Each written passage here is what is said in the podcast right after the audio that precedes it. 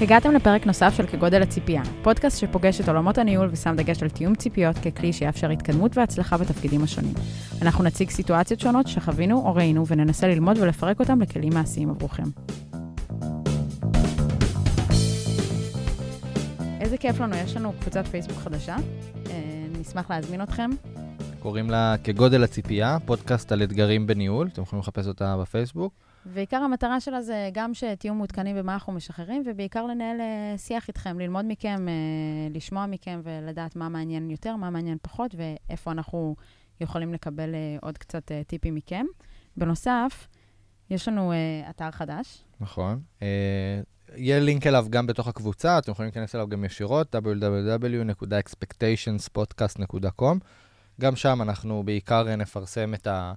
פרקים העדכניים, ויש לכם גם שם אה, מקום שאתם יכולים ליצור איתנו קשר, גם תגובות על פרקים או רעיונות לפרקים חדשים. זה יהיה מדהים. אז על מה אנחנו מדברים היום, מיכאל?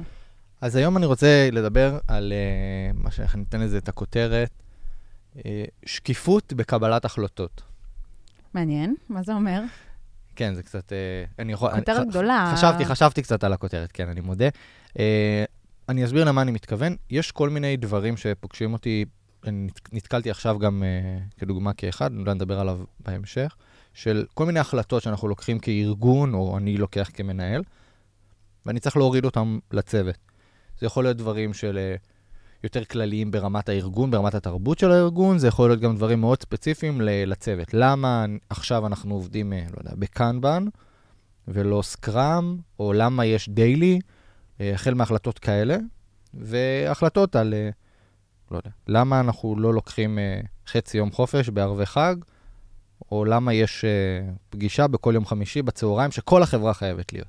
דברים כאלה, והרבה פעמים אני מוצא את עצמי, שאני שואל את עצמי אם אני צריך להסביר למה נעשתה ההחלטה הזאת, אם אני צריך לשתף אולי בכלל בכל התהליך מלפני. אז זהו, השאלה אם, האם צריך להסביר בלמה נעשתה ההחלטה, אני חושבת שזה מאוד מתחבר uh, עם uh, why, להתחבר ל-why. אה, אני חושבת ששתינו... מה זה להתחבר לוויין? דיברנו על זה קצת בעולמות של ה-Golden Circle של סיימון סינק וכאלה, שזה באמת... אחד הדברים הכי בסיסיים אצלנו כבני אדם זה שאנחנו צריכים לדעת למה אנחנו עושים דברים. אה, אנחנו לא פועלים באוטומט ולא רוצים לבצע כי אמרו לנו, אלא אנחנו רוצים להבין את ה-reason why. אני חושבת שזה דווקא החלק היותר קל בתהליך קבלת החלטות. אם אני עכשיו אה, החלטתי שכל יום חמישי יש אה, פגישה לכל החברה, אני יכולה להסביר למה הפגישה הזאת חשובה ומה היא תורמת ומה הערך שאנחנו מצפים שהיא תביא, ונבחן אותה לאורך התקופה, ואם היא תביא את הערך הזה, אחלה, ואם לא, אז לא. אבל איך הגענו להחלטה של זה יהיה ביום חמישי, בצהריים, אה, וכל החברה צריכה להיות נוכחת, וזה לא נגיד ברמת צוותים? זו כבר שאלה יותר מעניינת. ואני צריך, כל החלטה צריך לשקף כאילו, את הוואי אני מסכים. את יודעת מה, אין דבר כזה להגיד, חבר'ה, מעכשיו אה, כולם מגיעים אה, עד שעה תשע בבוקר, בלי עוד משפט שאומר למה, וואי, סבבה. אבל א', לא כולם יכול להיות שמסכימים עם הוואי הזה. נגיד, אני רוצה שכולם יגיעו בתשע בבוקר, כי לדעתי זה יהיה, יגרום ליום עבודה פרודקטיבי יותר. הנה הוואי. יכול להיות שמישהו לא מסכים שזה פרודקטיבי, אולי זה יהיה פרודקטיבי לאחרים ועבורו לא. זאת אומרת, אני צריך להגיד, כל מיני דברים שגרמו לי להגיע להחלטה הזאת. כל החלטה עכשיו אני צריך לעשות דיון עם הצוות ולהגיד להם, אוקיי, תקשיבו, חקרתי, הלכתי, בדקתי, עשיתי, זה מה שהגענו למסקנה. אולי צריך לעשות דמוקרטיה בכלל עם הצוות? איפה אתה מגיע ל... מבחינתך, כשאתה כמנהל, וזו דווקא שאלה סופר מעניינת, גם הנקודה הדמוקרטיה, וגם הנקודה דווקא בעולמות הכי הכי ברורים שלך, אה, כשאתה מקבל החלטה, או כש...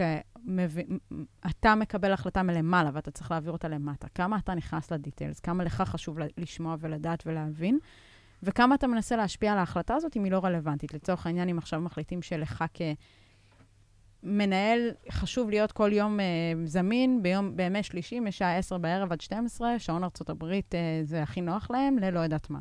האם זה לגיטימי? האם זה נכון? האם אתה תסכים בלי לשאול שאלות? על אותו משקל, נראה לי.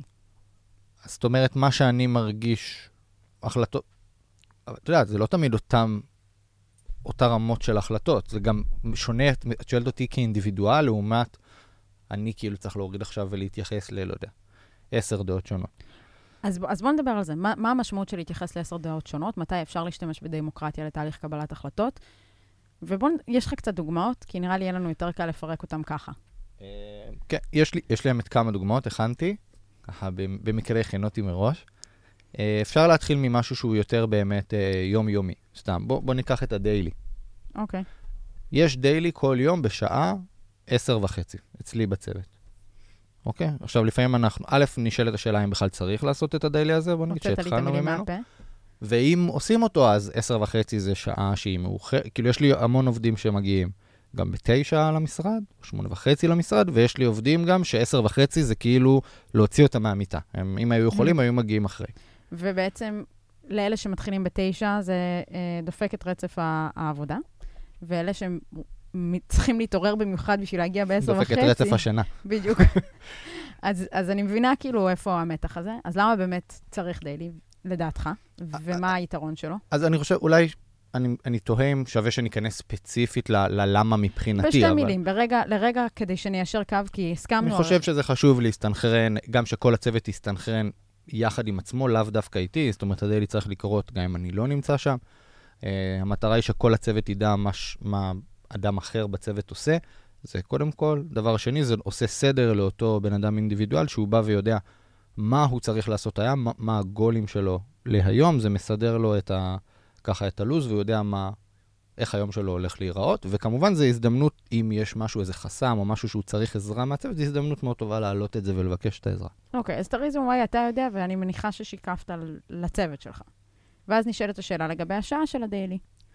זה לא רק זה, אפשר גם להתחיל מהלמה. זאת אומרת, יכול, יכול uh, בן אדם לבוא ולהגיד, תשמע, חלק מאוד מרכזי מהלמה שעכשיו שיקפת, שזה יעזור לי לסדר את היום שלי. אבל בוא לא נאתגר רגע את המערכת. בוא נעשה, בוא נפרק את זה. נצא מנקודת הנחה שהרוב, או כולם מסכימים עם הלמה צריך דיילי, ועכשיו אנחנו מדברים על הצד הטכני של הדיילי, באיזה שעה אנחנו עושים אותו. אני, אני קצת מפשטת את זה, כי אני רוצה להגיע לאיפה טמון האתגר, או מתי אנחנו צריכים להתנהל בדמוקרטיה, לעומת להסתכל על התמונה המלאה רגע מעמדת המנהל ולהגיד, רגע, אני בוחן את כל האופציות ואני מודע.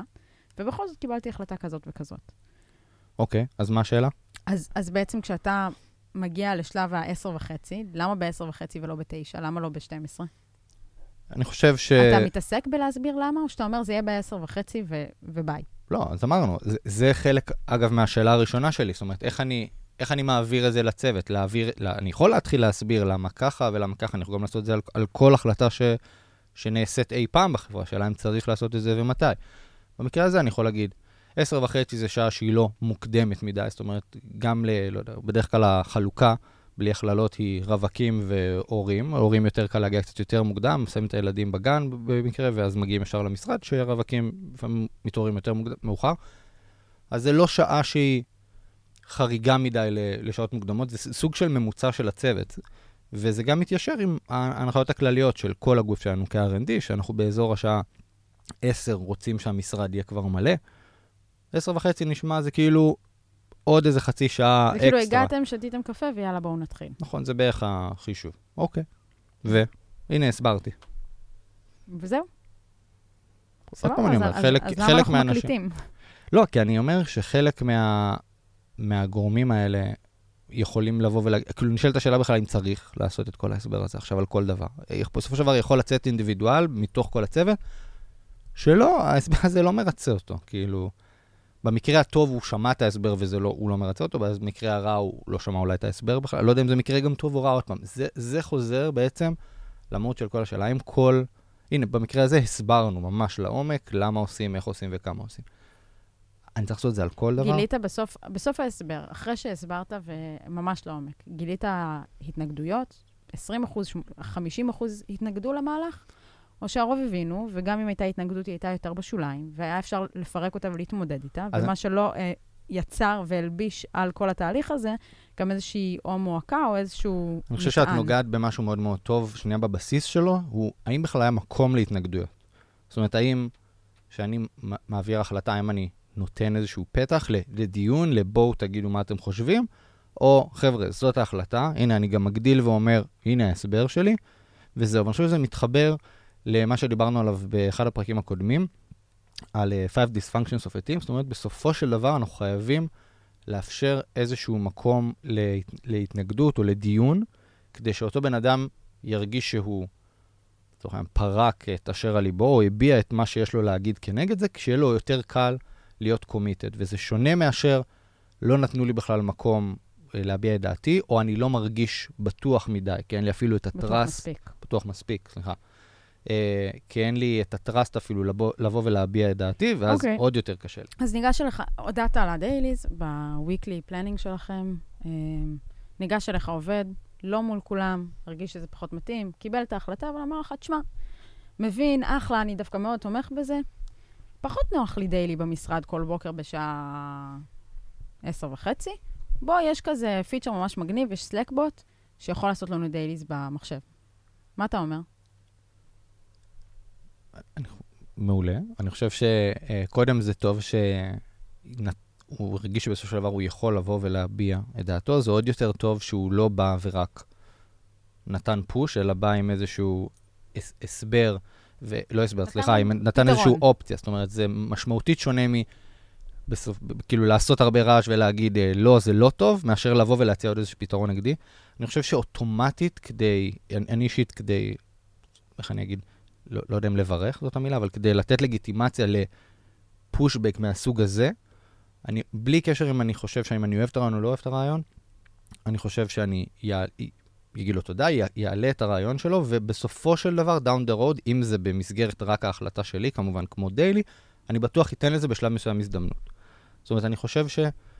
כמו אז- שאני אז יש- מצפה, אז יש מקום ל... תמיד יש אני לא אקרא לזה מקום דמוקרטיה, ל... אבל יש מקום להשפעה של שאר חברי הצוות, ולכן זה כן בסופו של דבר חיובי ותורם, נקרא לזה ש... כאשר מתעוררות התנגדויות אה, מש... משמעותיות שבאות עם פתרון, והן לא רק התנגדויות לשם ה... לא בא לי לקום בבוקר. נכון, יותר מזה, גם אם הוא לא היה מציע לי פתרון, והיה אומר לי, נגיד, תשמע, לא בא לי לקום בבוקר, הנה א', ב', ג', מחקרים שמראים שזה דווקא לא עוזר לפרודקטיביות, הלכתי וקראתי וחיפשתי, גם זה, אני, אני בסדר, זאת אומרת, לבוא, ואני, ואני חושב שזה זה משהו מאוד, זה בכללי משהו שדיון טוב או ויכוח טוב תמיד מעורר. ה- ה- אנשים שלוקחים את הדיון לא נטו למטרת הוויכוח, אלא הולכים, חוקרים, חוזרים, מביאים, זאת אומרת, זה תמיד מעורר זה תורם ועושה דברים. להתפתחות של, ה... של התהליך ותורם להתפתחות נכון. של הצוות. אני מסכימה עם זה. אבל בכללי אני רק אגיד שאני חושב שכל, כמו שאני מצפה מהם, לא משנה איזה הצעה אני אביא בפניהם. גם אם אני אגיד להם, תקשיבו, חבר'ה, בואו כולם צריכים לחתוך את המשכורת שלכם בחצי ולתרום אותה, זה רעיון מדהים. בסדר, אבל בגדול, צריך לבוא בראש פתוח ל... להצעות, ולפחות לנסות ולראות אם זה תורם האם הם בצורה צריכים מסוימת. לסמוך עליך? האם אתה מצפה כמנהל של צוות ותיק, שעובד איתם כבר איקס שנים, חודשים, לא משנה כמה, אה, האם אתה מצפה שהם יצאו מנקודת הנחה ש... הם צריכים לסמוך עליך, שהם יצאו מנקודת הנחה שעשית את כל החושבים ושאלת את כל השאלות ועשית את כל הבדיקות הפנימיות שאתה יכלת במסגרת לא הייתי רוצה שזה אף פעם יקרה בצורה עיוורת. אני חושב חד משמעית. שצריך שיהיה לך אבל את האם ה... יש לך איפשהו את הציפייה הזאת? כמנהל? האמת שלא. אה, לא, אני לא אוקיי. חושב. אני לא חושב דווקא שהם, כאילו, אני חושב שכמו שאני אומר, אני, כן הם יכולים לבוא, אם, אם, אם ללכת בצורה עיוורת, הכוונה שלך היא לא, לא בצורה לבוא, עיוורת. אה, סליחה, לא בצורה עיוורת, נכון, אמרת לו, אם, הכ- בלסמוך על הכוונה שלך זה, במרכאות, לבוא בראש פתוח, כי מיכאל יודע על מה הוא מדבר, אז, אז כי כן. מיכאל, he's got his be- our best interest in mind, תמיד. והוא לא יוצא מנקודות הנחה שהוא רוצה או לפגוע ב- בסביבת החיים שלנו, או לפגוע בתהליכים של החברה, או לא יודעת מה. עכשיו, זה לא שאין מקום לשיח פתוח ושיח מקדם, אבל אם אתה כמנהל, ואני יכולה להגיד לך שהרבה מנהלים כן, יוצאים מנקודת הנחה שאני באה ואומר משהו לצוות, אז, אז תנו לי את הקרדיט. עשיתי שיעורי בית, והלכתי וחקרתי ובדקתי, ועשיתי ריסרצ' בחברות אחרות, ועשיתי בנצ'מרקים לצורך העניין, או, או תהליכים אחרים, ובדקתי מה, מה common industry.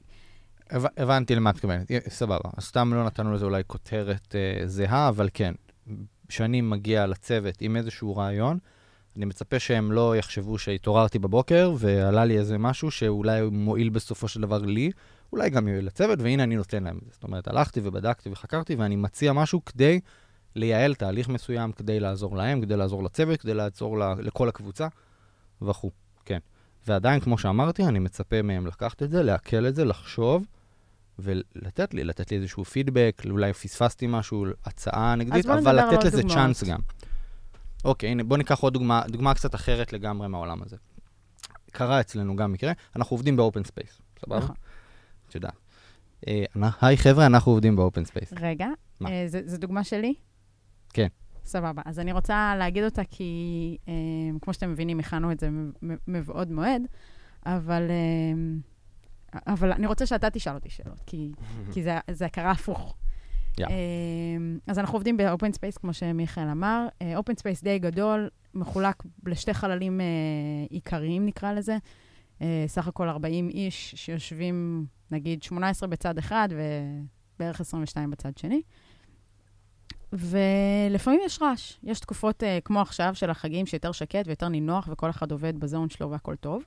יש תקופות שיש אה, רעש, רעש טוב, רעש של עשייה, רעש של עבודה, רעש של שאלות, רעש של, אה, של כזה, אבל יש רעש, ויש אנשים שהרעש הזה לא מאפשר להם להתרכז ולצלול פנימה. והגיעה אליי בקשה מאחד העובדים, בקשה לגיטימית בימינו אנו, שהוא צריך אה, אוזניות, אוזניות אה, noise cancelling. כדי להיות פרודקטיבי יותר, כדי, lia- כחלק כדי להעלות את מהעבודה רמת שלו. הפרודקטיביות שלו. Uh, ברגע שזה עלה מצידו, והוא בא, זאת אומרת, זה לא עלה רק ככה, זה עלה ב... קשה לי, ב-one on one איתי, קשה לי, קשה להתרכז, אני מרגיש שזה ממש פוגע לי בפרודקטיביות, מה אפשר לעשות עם הקושי הזה, איפה זה בא לידי ביטוי, ואז התחלנו לנתח את זה, והבנו שבאמת משהו טכני כמו אוזניות מבטלות רעשים, uh, מאוד מאוד מאוד יכולות להקל ולהועיל לו. וקנינו. הלכתי, לו- בדקתי, קנית לו אוזניות. קיבלתי אה, תקציב, אה, זה לא היה משהו שתכננו אותו בתחילת שנה. הלכתי, קניתי אוז, אוזניות, אה, סבבה גם, טובות ממש. וזה היה מקובל על ידי כולם, לכולם ברור שהפרודקטיביות שלו כמפתח חשובה ועולה מי זה. לכולם? לכל, זה? ה, לכל הקבוצה הניהולית שעוסקת בתקציבים בסימפלי, אם זה אני, אם זה תום ה-CTO, אוקיי. אם זה ה-CFO, לא משנה מי. ואז התחילה השאלה, למה הוא כן ואני לא? התחילה שאלה של מי? מי שאל? עובדים אחרים. מה, הוא קיבל אוזניות מסימפלי? איך, איך גם אני מקבל? גם אני רוצה. מה, מה קורה עם זה? איך, אה, מתי מזמינים גם לי? עכשיו, משהו שהוא לעובד אחד, בסכום אה, גבוה פלוס, אה, פתאום להכפיל אותו ב-40, זה סכום מאוד מאוד גדול, שלא תקצבתי אותו ולא תכננתי אותו. ואני אומנם חושבת שזה באמת יכול להועיל לפרודקטיביות פחות או יותר של כולם, אבל לא כולם, א', נוח להם לשבת עם אוזניות, וב', זאת אומרת, את, אה, את אומרת, קודם כל, יכול להיות שבאמת יש עוד אנשים שזה באמת יעזור להם, נכון. והם לא, הם כאילו לא היו הראשונים לבקש, נכון. ועכשיו שזה נהיה מסה פיזית, כאילו פיננסית זה בעיה. כאילו, נכון. אומרת, אני מאוד בעד אולי, כאן, אבל יש כאן כאילו... עניין, יש כאן עניין. לא, לא יודעת אם זה בעיה או לא, אני אגיד אחרי זה את הפתרון שלנו, אבל תקציבית יש כאן עניין. אה, לא תקציבית, יש גם אנשים שזה אולי לא הולך לעזור להם פרודקטיבית, אבל הם רוצים אוזניות, כי זה הטבה. יש גם את אלה, וגם יותר מזה אני אגיד שאפילו לרמת התרבות הארגונית שאנחנו רוצים ליצור, אני לא בטוחה שזו התרבות הארגונית שאנחנו רוצים, שאנשים ישבו עם אוזניות. כאילו, אני לא יודעת כמה מכם עוצרים לחשוב על האם החלטה שקיבלתי עכשיו משנה את התרבות הארגונית, אבל אני חושבת שהרבה מההחלטות המאוד מאוד טקטיות אפילו, כמו האם אנחנו עושים דיילי כל יום. האם יש לנו מפגש של כל הצוות ברמה היומיומית של גם להגיד בוקר טוב וגם לדבר מקצועית. האם אנחנו יושבים בסביבת העבודה שלנו עם אוזניות? האם נהוג להפריע כשאני יושב עם אוזניות? מה, מה, מה המדיניות, מה, גם אם היא לא כתובה? מה החוק הלא כתוב ב- בהקשר הזה? אני חושב שזה, החוק הלא, תבות, זה- הלא כתוב זה בדיוק התרבות בעצם נכון, שנוצרת. אה, נכון. לבד. אז, אז אני מאוד חששתי, או מאוד חשבתי על איזה תרבות זה ייצור. האם זה ישנה את התרבות שלנו או לא? ו- ויותר מהכל, אה, הרגשתי אתגר בהאם אני צריכה לספר לכולם שלאותו עובד היה אתגר משמעותי של להיות פרודקטיבי, ולכן הוא קיבל אוזניות כדבר ראשון, כפתרון מיידי לבעיה שלו. וראינו גם את, התוצא, את התוצאות מאוד מאוד מהר. והאם עכשיו אני צריכה לשתף את כולם שאם זה לא בעיה כל כך אקוטית, אז כרגע אני לא הולכת לרכוש אוזניות uh, mass production. יותר מזה, את אומרת, יש פה הרבה דברים כאילו מאחורי הקלעים. אני עכשיו בסוף, יכול להיות שאת תקבלי את הבקשה הזאת, יכול להיות שאני כמנהל של אחד העובדים האלה אקבל את הבקשה הזאת, אבל אני עכשיו יושב, נגיד, בוא נגיד בוואן און וואן, והוא אומר לי, אה, תקשיב, ראיתי אה, את, ה, את X, קיבל אה, אוזניות, אה, גם אני רוצה, כאילו איך, איך עושים, ועכשיו האם השאלה שאני אומר, התשובה שאני אומר היא, תקשיב, אין, אין כרגע כאילו תכנון לקנות עכשיו לכל הגוף R&D אוזניות וזהו. האם אני נותן משפט של, כמו שאמרנו מקודם, אולי על ה-Y, נגיד, כי כרגע אין תקציב לזה. גם מה זה אומר? זה אומר שאז מתישהו יהיה תקציב לזה, שאנחנו מתכננים את זה, כי יכול להיות שאנחנו בהגדרה לא רוצים, גם אם יהיה תקציב, וגם אם נצליח להשיג תקציב, כי אנחנו לא רוצים לשנות את התרבות הארגונית. אז אם אני עכשיו צריך להתחיל להסביר לעובד על התרבות הארגונית, האם יש לו בכלל, זה, זה מעניין אותו? הוא חושב על זה? יש לו פנאי לזה? זאת אומרת, אלה בדיוק השאלות שאני חושב שהגענו איתן באמת לפרק. מה בסופו של דבר עשינו? אז, אז ברמה הטכנית, אה, הגדרנו שאנחנו כן נתחיל לקנות לכל מי שיבקש, רק על בסיס אה, בקשה ולא על בסיס אה, אה, סתם לכולם. כי באמת יש אנשים שלא אוהבים לעבוד עם אוזניות, יש אנשים שלא משתמשים בזה, יש אנשים שיש להם אוזניות אה, משלהם ו- ואין מטרה, זה לא איזשהו אה, פרק, זה איזשהו כלי לייעול ולהעלאת אה, הפרודקטיביות, אז זה מצד אחד. מהצד השני של זה, הגדרנו שנעשה את זה ברבעונים. זאת אומרת, כל רבעון נקנה X, אה, הלכנו לפי ותק ובקשת, ובקשות. זאת אומרת, מי שביקש ראשון, קיבל יותר מהר ויותר ותיק בחברה. מי שהגיע ביום הראשון שלו לעבודה, כנראה לא קיבל אוזניות אה, שוות. יש לנו אוזניות יותר פשוטות גם שאנחנו נותנים. אבל uh, ניסינו באמת לחלק את זה כדי שהתקציב לא יצא בבום והוא יהיה מחולק לרבעונים. אוקיי, אז שנייה, מעולה. אז הגעתם, הגענו לאיזושהי החלטה. נכון. האם היה שלב מסוים ש... האם צריך שיהיה שלב מסוים בהחלטה כזו, רוחבית, כביכול שעקרונית משפיעה על כולם? כי הרי גם את אומרת, שם משהו נסתר כזה, את אומרת, החלטנו שרק מי שיבקש, יקבל. אז האם זה משהו שאת באה ואומרת, חבר'ה, החלטנו שרק מי שמבקש יקבל, כי ברגע שנגיד משפט כזה, וכולם יבקשו. אז כן, אז... אז כן דווקא אמרתי, באחד, באחד האסטיקים שלנו, זה אה, סשנים שיש לנו בימי חמישי בצהריים, שמיכאל ציין מקודם, באחד האסטיקים שלנו ציינתי שאנחנו התחלנו לרכוש אוזניות אה, מבטלות רעשים למי שיש להם צורך בזה, אה, ושיפנו אליי. וזה מה שקרה. בפועל, לא כולם ביקשו. זאת אומרת, אני ואתה יוצאים מנקודת הנחה שכולם יבקשו כי הם יכולים לקבל, למה לא? אבל בפועל, המציאות מראה שלא כולם יבקשו. יש אנשים, שוב, כמו שאמרתי, שאו שממש לא נוח להם עם זה, או שכבר יש להם מהבית, או מכל מיני סיבות אחרות. אמ, ולכן זה קצת מייצר תמונה אחרת. גם אם זה חסך לי חמש אוזניות בסכומי כסף שהאוזניות האלה עולות, זה, זה הרבה כסף, זה כמה אלפים טובים של, של שקלים. ויותר מזה שזה חסך את הכסף, אה, זה מייצר את ההבנה הזאת שזה לא מנדטורי. זאת אומרת, אנחנו לא מצפים לראות את כולם עכשיו יושני, יושבים עם אוזניות בתוך הזון, לא מדברים אחד עם השני ו- ו- ו- ויוצאים... אוקיי, okay, אבל אם נחזור שנייה ל... פחות למהות של על מה אנחנו מדברים, אלא להחלטה, כהחלטה ולשקיפות של ההחלטה. האם בסופו של דבר החלט, החלטת לשקף את כל התהליך הזה, לא. את ההשפעה על התרבות? לא, ו... לא, לא, לא. למה? כי לא היה לי את המקום. אה, אני חושבת שאפילו בינינו, המנהלים, לא בהכרח שיקפתי את כל התהליך. זה היה משהו שיותר... אה, החיים עמוסים, קורים, אה, קורה דבר ועוד דבר ועוד דבר ועוד דבר, וזה אחד מהמשימות שאני צריכה פשוט אה, לפלטר. אז אוקיי, עושים, מקבלים החלטה, בודקים אותה, רואים שזה עוזר, לא עוזר, מתקדמים. אה, אגב, גם בעולם של איזה אוזניות וכאלה, היה איזושהי מחשבה של איך בודקים אותם וכאלה. לא יודעת, אני ברמה הכי כנה, החיים עמוסים מדי, ולכן לא עצרתי רגע לשבת ולחשוב ולהגיד, רגע, זה הסיבה שאנחנו עושים ככה ולא עושים ככה. את חושבת, אני, אני, אני שנייה אקשה, בכוונה אני אקח איזשהו צד שאני לאו דווקא מאמין בו, אבל כדי ל, ל, להקשות על הדיון. יהיה, יש אנשים שיבואו ויגידו, אפילו עם עצמם, בין עצמם, או שיגידו, תקשיב, זו החלטה לא נכונה. לדעתנו אוזניות זה משהו מאוד בסיסי. אם החברה החליטה לעבוד באופן open space, שלדעתנו זו החלטה נוראית, וזה מאוד ישן, כבר לא עובדים ב open space, אה, ואם מכריחים אותי לעבוד פה ב open space, זה, זה משהו שצריך לבוא ביחד עם זה, והחברה צריכה עכשיו לבוא ולקנות אה, לכולם אוזניות.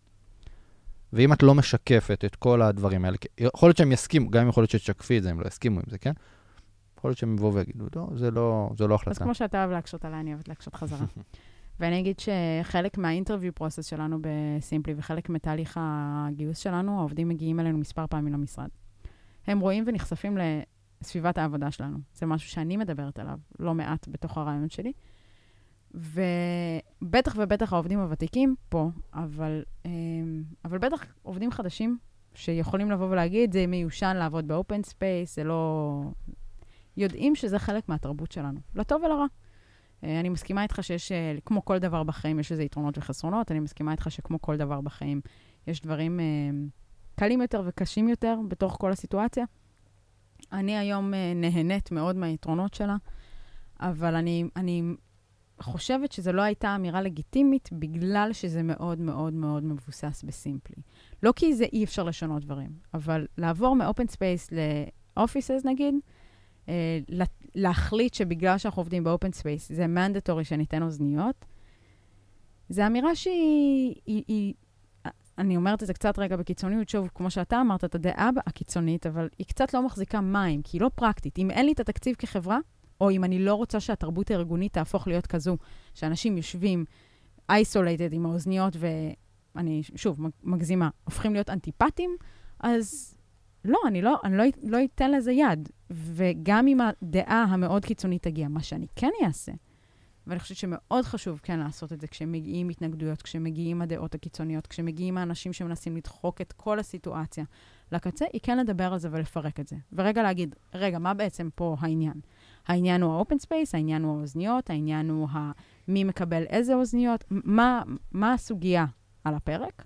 ואחרי שאנחנו מבינים את הסוגיה, לפרק עם אותו בן אדם שהעלה את ההתנגדות המאוד קיצונית לנו כמנהלים, איך אנחנו רוצים אה, לקדם את זה, איך אנחנו רואים לנכון את כל התהליך של קבלת ההחלטות, או את כל התהליך של העלאת התנגדות אחרי שהתקבלה החלטה כלשהי, לאיזשהו פתרון. כן שווה להגיד שזה בעיק, יכול לקרות בעיקר אבל אם נדע מי מעלה את ההתנגדות. הרבה פעמים הדברים האלה יכולים מתחת לפני השטח, אני חושב שזה גם התפקיד שלנו כמנהלים, לבוא ולזהות את ההתנגדויות האלה. אגב, גם אם הן לא מוצפות ישירות נכון. אלינו, זה לא עכשיו איזה קטע של, לא יודע, לא, אין, אין לי מילה, לא יודע, זה לא על שנה, כאילו, לבוא ולחפש את הדברים האלה, במינימום כדי לבוא ולהתעמת, אני חושב שזו מילה טובה, עם אותו עובד ולבוא ולהגיד, תקשיב, יש לך איזושהי דעה, אצלנו אני אישו, בוא נדבר על בוא זה. בוא נדבר על זה, נכון. כאילו, אני לא מבין למה אתה הולך ומפיץ, ו... בוא נדבר על זה. ואז, שתיפתח השיחה על זה, אפשר לבוא, ולאותו עוד עובד אינדיבידואלי, לבוא, אגב, להפיץ יותר לעומק את תהליך קבלת ההחלטות. כן. ו- אין בעיה לחשוף את זה, לפעמים פשוט אין לנו את הזמן. אני לא, אני מסכימה איתך, אין בעיה לבוא ולקחת תהליך עם עובד מסוים ו- ו- ולהציג אותו, כל עוד זה לא תהליך פרטי ואישי של uh, עובד אחר. מה שכן, לא תמיד אנחנו יודעים שזה משהו שמישהו מחפש או צריך. אה, בסדר. אה, אז בואו ניתן אה, דוגמה נוספת. אז אני יכולה להגיד שלאחרונה עשינו תהליך של restructuring של כל הצוות פיתוח שלנו. אה, בעצם ריאורגניזציה אה, של כל הצוותי פיתוח והאנשים בתוכם. תהליכים כאלה, כשקורים בחברות, הם בדרך כלל תהליכים מאוד מאתגרים, מלווים בהרבה חששות של העובדים, הרבה לא נודע. בטח אה, אנחנו כאנשים, ועל אחת כמה וכמה מפתחים שאוהבים את היציבות ואת הידוע. אה, זה מערער אצלנו הרבה עולמות. אה, עשינו תהליך של ריאור כדי להתאים את הצרכים של ה-R&D, או את התהליכי העבודה ב-R&D לצרכים של הביזנס שלנו. זה לא תהליך שנוצר יש מאין, היה לזה המון אה, מחשבה. ועל התהליך הזה, בעצם עבדנו משהו כמו, הוביל אותו ה-VP R&D שלנו, צריך להגיד. הוא עבד עליו משהו כמו חצי שנה. היינו כולנו, כל, כל המנהלים מעורבים בזה בכמה חודשים האחרונים של זה. חודשיים, שלושה האחרונים של זה. ויום אחד, העובדים הגיעו uh, לאחד האסטקים שלנו וגילו שאנחנו הולכים לתהליך של uh, ריאורג. לא ידעו על זה, לא שמעו על זה. שמעו על זה פעם ראשונה ב... יש תוכנית כזאת, אנחנו עוד לא, לא, לא, לא בישרנו מול כולם מי הולך לאיזה צוות ולמה, רק הסברנו מה הצורך בשינוי הארגוני. הסברנו מה הכיוון שאליו השינוי הארגוני הולך לקחת, וישראל ה-VPRND שלנו ממש גם הציג מה תהיה המטרה של כל צוות חדש אה, שקשורה לביזנס, ואיך זה קשור ביום-יום. אוקיי, okay, ואת חושבת ש... אני לא יודע אם את שואלת אותי או שאני עכשיו אשאל אותך, אבל את חושבת שהתהליך, כמו שאת מתארת, רגע, את אומרת שהצגנו את זה לפני שזה היה סופי, זאת אומרת, לא הצגנו להם את המצב הסופי, אבל בוא נגיד שבתהליך עבודה של חצי שנה, לא הצגנו להם את זה משלב התכנון. לא, ממש לא. הצגנו את זה די, הצגנו כבר כשהיה ידוע ודאי שיהיה ריאורג, ואיך הצוותים, הסטרקצ'ר, המבנה החדש יהיה. לא הצגנו מי יהיה בכל uh, סיטואציה. אוקיי, okay. ואת חושבת שהתהליך הזה כתהליך הוא נכון? בואו נדבר שנייה, נלך רגע אחורה מהתהליך הנכון או לא. א', אני חושבת שהתהליך מאוד נכון, אבל זו דעתי האישית ולא בטוח שהיא אה, חשובה כרגע. אה, יותר מעניין אותי דווקא לשאול אותך, איפה זה העלה התנגדויות? בואו נדבר רגע מהצד ההפוך של זה. עוד בשלב שהם עוד לא, שלא כולם ידעו לאן הם הולכים ולמה וכמה. איפה זה, איפה זה פגש אותך כמנהל? אל אני מול העובדים חושב שלו. שקודם כל זה, זה פגש אותי כמנהל לפני מול העובדים שלי, באותה, לצורך העניין, פגישה ניהולית, שבה והחלטנו את הדבר הזה, והתחלנו לדבר על, אוקיי, א- איך משקפים את זה לעובדים. אני חושב שזו נקודה, נגיד, מאוד חשובה, שיש בכלל דיון כזה. כאילו, אני חושב שזה כן נכון, במיוחד בהחלטה כזאת, כמו שאת מתארת, אה, ריאורג של הצוותים. באנו ונתנו מחשבה ספציפית, ממש היה דיון שלם, על איך משקפים את זה לעובדים. זאת אומרת, זה מה שחושבים עליו. תראה, זה משהו שמשפיע על 40 איש. אני חושבת שזה נכון. נכון ש, שנשקיע ו, ו, ונשים את, ה, את הזמן ואת המחשבה על איך אנחנו עושים את זה. ו... ואת זה לא יודעים. זאת אומרת, אנחנו בחדר יודעים שמה? שאנחנו יושבים ומחשיבים. אה, נכון, את זה לא יודעים, על זה. ששמים, שנותנים על זה נכון. דגש וחושבים גם לא יודעים שהתהליך היה זה. חצי שנה, ולא יודעים שבמשך חודשיים כל המנהלים התעסקו. זה- זה לא משהו שהוא ידוע בחוץ. זה צריך להיות. אבל אם, כמו שאמרת, שאלת אותי לפני זה, האם אני כמנהל, אז האם אני מצפה מהצוות שלי, שאני בא ומציג לו משהו, שהוא יסמוך עליי וייתן לי את הקרדיט שעשיתי את העבודה הנדרשת כדי להגיע למסקנה הזאת?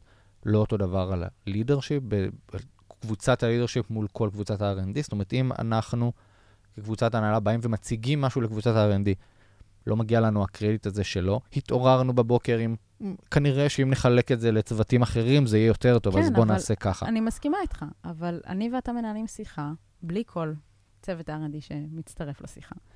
ובכל זאת, יום אחרי הריאורג, ובגלל זה אני שואלת אותך מה ההתנגדויות שאתה פגשת, היו התנגדויות. היו חששות, היו מעברים של אנשים מנהלים, היו אני אנשים, חושב שלפני מעברים של אנשים לפני זה, אפילו. בשיחה, באותה שיחה שכביכול, אנחנו יצרנו את אותה שיחה, הרי אמרנו לפני שידענו סופית איפה נמצא נכון, כל צוות, נכון. ואנחנו עשינו אותה במטרה של להכין את השטח, שזה לא נבוא באיזשהו יום בהיר ונגיד, חבר'ה, הנה אתם זזים, אתה לפה, אתה לפה, אתה לפה. זאת אומרת, באנו לעשות את זה למטרת בעצם העובד, כדי שהוא כן יוכל לבוא ולהציף איזה שהם חששות שיש לו. אני חושב שכבר אחרי אותה שיחה התחילו החששות. למה עושים ריאורג? בטח לא אומרים לנו הכל. אה, זה מוזר, רגע, אני אשאר תחת אותו מנהל, או שאני אעבור מנהל אחר? למה לא אמרו לנו כבר ישר?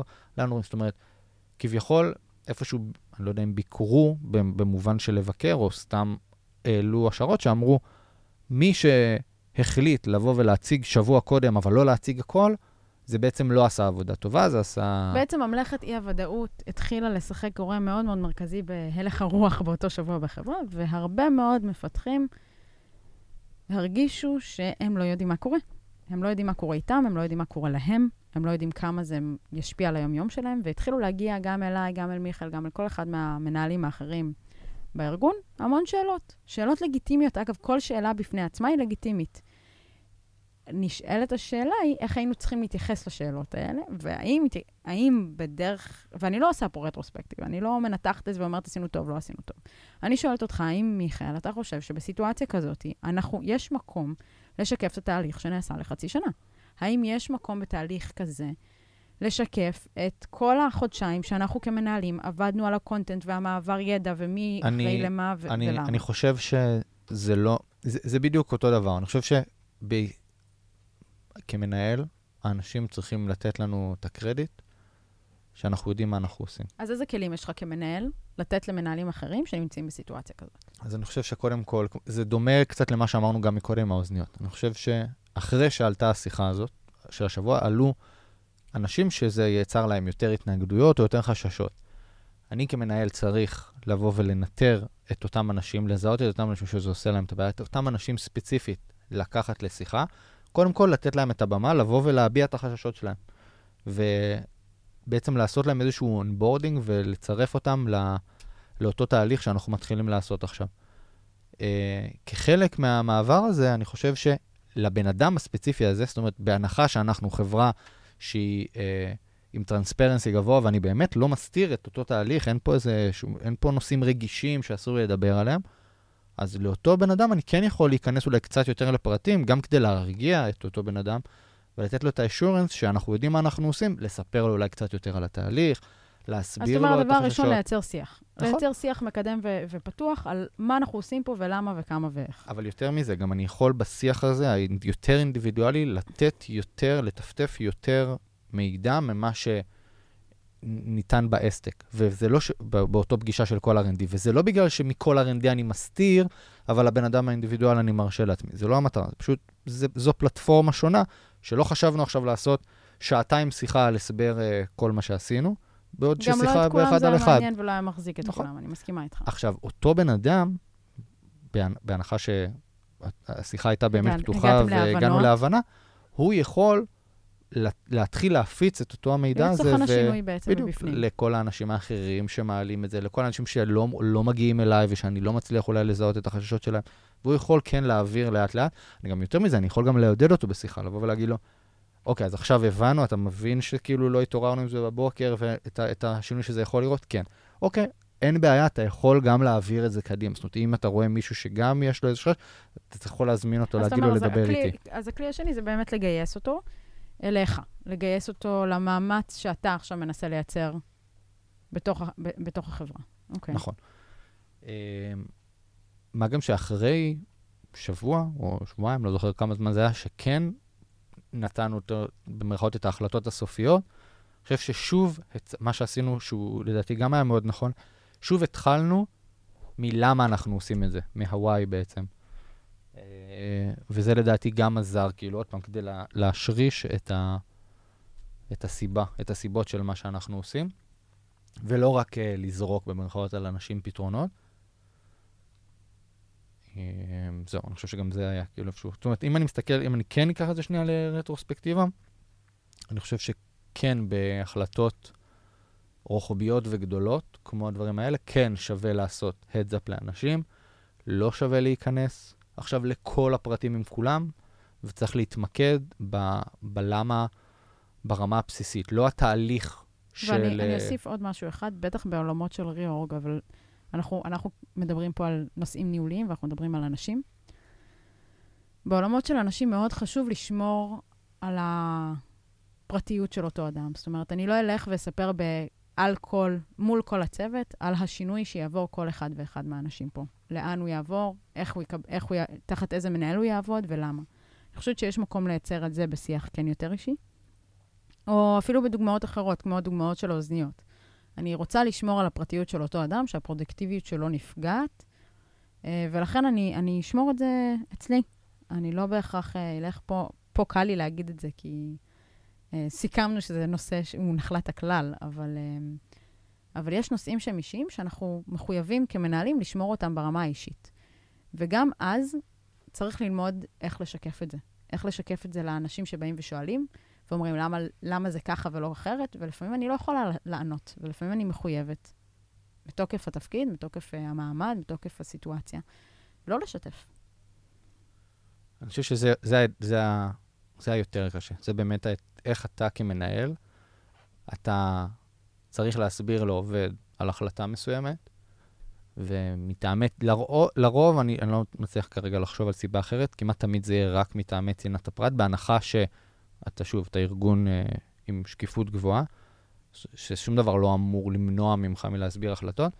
איך אתה, אתה יודע שיש סיבה להחלטה, ואתה לא יכול לשקף אותה. אתה פשוט לא יכול לשקף אותה לעובד.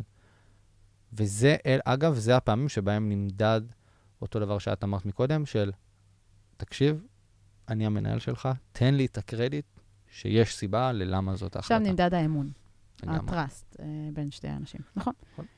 אני חושב אה, שכן יש אה, עוד כמה נושאים, אולי מהצד השני אולי, כאילו, כ, כגו, כאילו דיברנו עכשיו על החלטות שאנחנו יזמנו, דיברנו על החלטה שבאמת עובד ביקש, וכבר דיברנו עליה יותר רטרו, רטרוספקטיב, כאילו כבר נכללה החלטה וכו', אבל יש כל מיני החלטות שאצלי הן קצת יותר מאתגרות שאני יכול לשתף, שלרוב מגיעות מעובד, מ, לרוב מאינדיבידואל אחד, אולי יותר מאחד, שנוגעות לרוב אליו פרטנית, יכול לתת כמה דוגמאות שעולות לראש, נגיד, אה, בין אם זה compensation, בקשת העלאה שכר, בין אם זה אני מעכשיו רוצה להתחיל לעבוד מהבית, אה, למה בערבי חג אנחנו צריכים, אה, אנחנו בוא מגיעים נדבר על זה למשרד. רגע. בוא, בוא תן לי דוגמה למישהו שפונה אליך, ו- ואיך...